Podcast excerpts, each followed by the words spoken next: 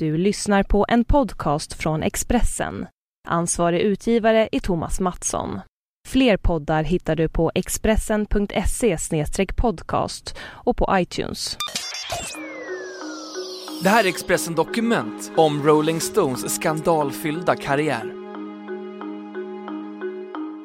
Lauren Scotts död är en i raden av tragiska händelser kring Rolling Stones. De är ett av världens genom tidernas mest framgångsrika rockband.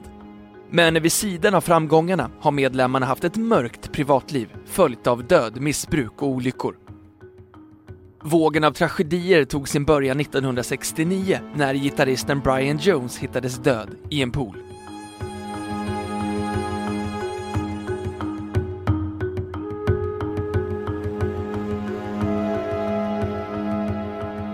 Sju år och två månader efter att Rolling Stones såg dagens ljus med den historiska konstellationen Brian Jones och Keith Richards på gitarr, Ian Stewart på piano, Mick Jagger på sång, Bill Wyman bas och Charlie Watts på trummor förlorade Rolling Stones sin grundare Brian Jones.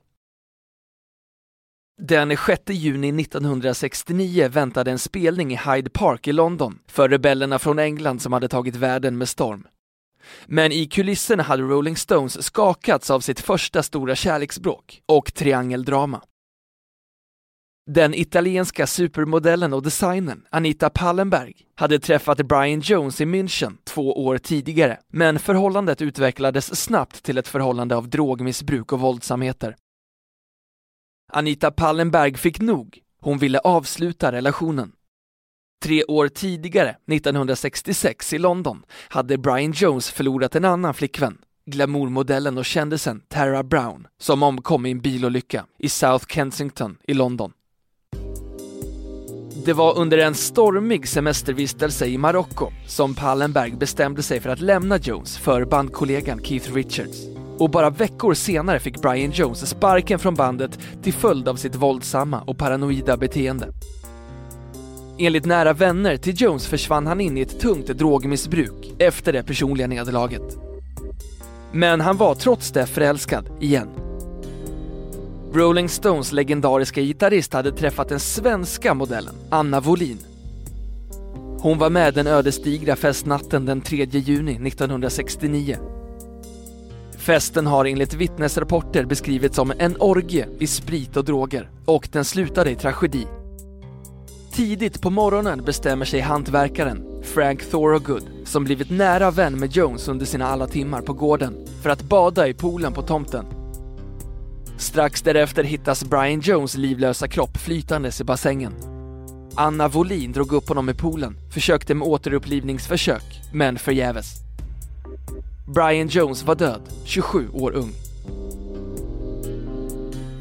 Händelsen är än idag en av rockhistoriens största mysterium och i sin bok The Murder of Brian Jones från 1999 konstaterar Volin med bestämdhet att Thorogood mycket väl haft intresse av att dränka en påverkad Brian Jones. Thorogood hade dagarna före grälat med Jones om pengar och nu var han den siste som såg gitarristen i livet. Även flera bandmedlemmar har antytt att Jones död kan ha varit något annat än en olycka. En av dem, den bittra kärleksrivalen, Keith Richards.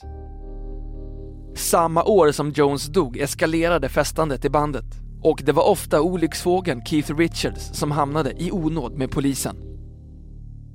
En dag i februari 1967, under dåtidens värsta flower power-period, stormar polisen Keith Richards lantegendom, Redlands, för att utföra ett större knarktillslag mot rockbandet. Polisen hittar, förutom amfetamin, cannabis och heroin, Jagger och Richards festandes med modellen och Jaggers flickvän, Marianne Faithful, som hittades naken. Jagger dömdes senare till tre års fängelse och Richards till ett år, då polisen inte kunde bevisa ett tillräckligt stort innehav för ett längre straff. Slutet av 60-talet var på gott och ont en händelserik tid för Rolling Stones och vid en gratisfestival som bandet anordnade i Altamont 1969 spårade det ur fullständigt när folk invaderade spelningen. Säkerheten var undermålig och när Mick Jagger anlände blev han misshandlad. Blodiga bråk mellan vakter och fans gjorde att spelningen avbröts vid flera tillfällen. Säkerhetsansvaret på plats låg på det ökända motorcykelgänget Hells Angels och när Meredith Hunter, 18, hotar en vakt med pistol höggs han ihjäl av Hells Angels-medlemmen Alan Passaro i tumultet framför scen. Spelningen fortsatte och när Rolling Stones skulle lämna Altamont med en helikopter fick de information om att ytterligare tre åskådare hade dött. Men Keith Richards kommentar lät inte vänta på sig trots tragiken. På det hela taget var det en bra spelning, sa han.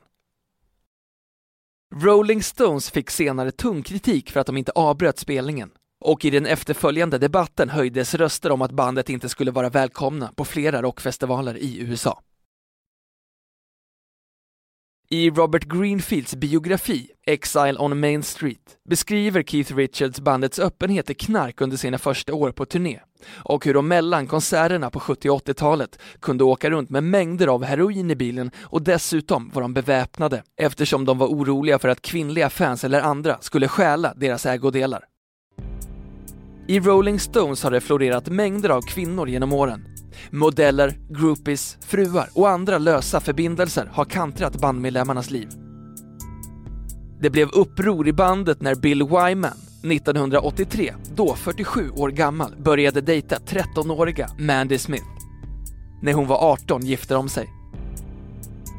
Det kontroversiella förhållandet skapade usel stämning, mängder av skandalartade rubriker och Wyman var stundtals utfryst men först tio år senare lämnade Wyman bandet efter ett nytt storbråk med Keith Richards och Jagger. Wyman ersattes av Darryl Jones efter att Bill tyckte att bandet ignorerat hans kunskap. I mitten av 90-talet släpper Wyman en mycket uppmärksammad biografi Boken innehåller avslöjande detaljer om Mick Jagger och Keith Richards sexvanor, alla lösa förhållanden och bråk om pengar efter stora och mindre gig. Wymans anteckningar innehåller detaljerade beskrivningar om drograzzior och sexorgier. Stone Alone, The Story of a Rock'n'Roll Band, ger fansen en bild av hur världens största band levt under de 30 första åren inte helt oväntat vänder Keith Richards ex-medlemmen Wyman ryggen och vägrar kommentera innehållet. Mick Jagger är den enda som öppet talat om att han vägrar att skriva en biografi om sitt liv i bandet. År 2010 kom den mest hyllade Stones-boken hittills. Olycksfågeln Keith Richards berättar allt om sitt liv och karriär i en rörande och rebellisk skildring. Att Rolling Stones har nio liv är ett slitet uttryck. Och det skulle passa bättre på gitarristen Richards, med tanke på alla osannolika uppbåd och nära döden-upplevelser. 1965 fick han ström genom kroppen genom en ojordad mikrofon vid en konsert i Kalifornien och fördes till sjukhus med kramper och erkände senare minnesförlust. Anita Pallenberg talade honom till rätta 1976 när självmordstankarna kom krypande efter att deras son Tara gick bort, bara 10 månader gammal. 1973 tog han beslutet att lägga in sig själv på en avvänjningsklinik i Schweiz för att byta ut sitt giftiga blod efter allt drogmissbruk. Anledningen? Han ville inte dö på grund av sina redan sjuka njurar. Tidigare samma år ska Richards med familj varit nära att omkomma i en brand i boendet Redlands utanför London. Enligt rykten ska branden ha startat efter att han rökt en cigarett på taket och sen fimpat. Men i biografin menar han att en mus bet av en elledning, vilket startade eldsvådan. Hustrun Anita Pallenberg undkom precis som barnen oskadda. I maj 2006 var hans hälsoläge mycket allvarligt efter att han ramlat ner från en palm i Fiji och slagit i huvudet. Förutom Rolling Stones kompisen Ron Wood vakade hustrun Patty Hansen, döttrarna Theodora och Alexandra vid hans sida. Två operationer i Nya Zeeland på grund av skallskador och hjärnblödning räddade hans liv. I en intervju 2007 med New Musical Express berättade han att han tagit kokain tillsammans med sin döda pappas aska, något han senare dementerade.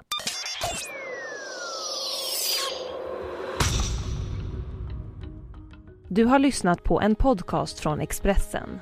Ansvarig utgivare är Thomas Mattsson. Fler poddar finns på Expressen.se och på iTunes.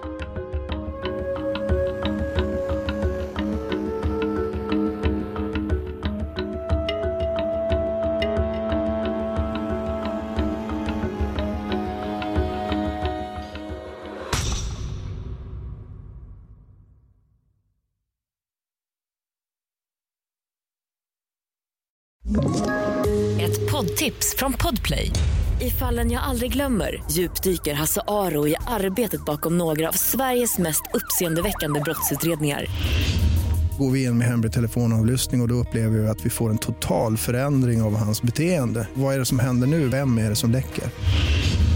Och så säger han att jag är kriminell, jag har varit kriminell i hela mitt liv men att mörda ett barn, där går min gräns. Nya säsongen av Fallen jag aldrig glömmer på Podplay.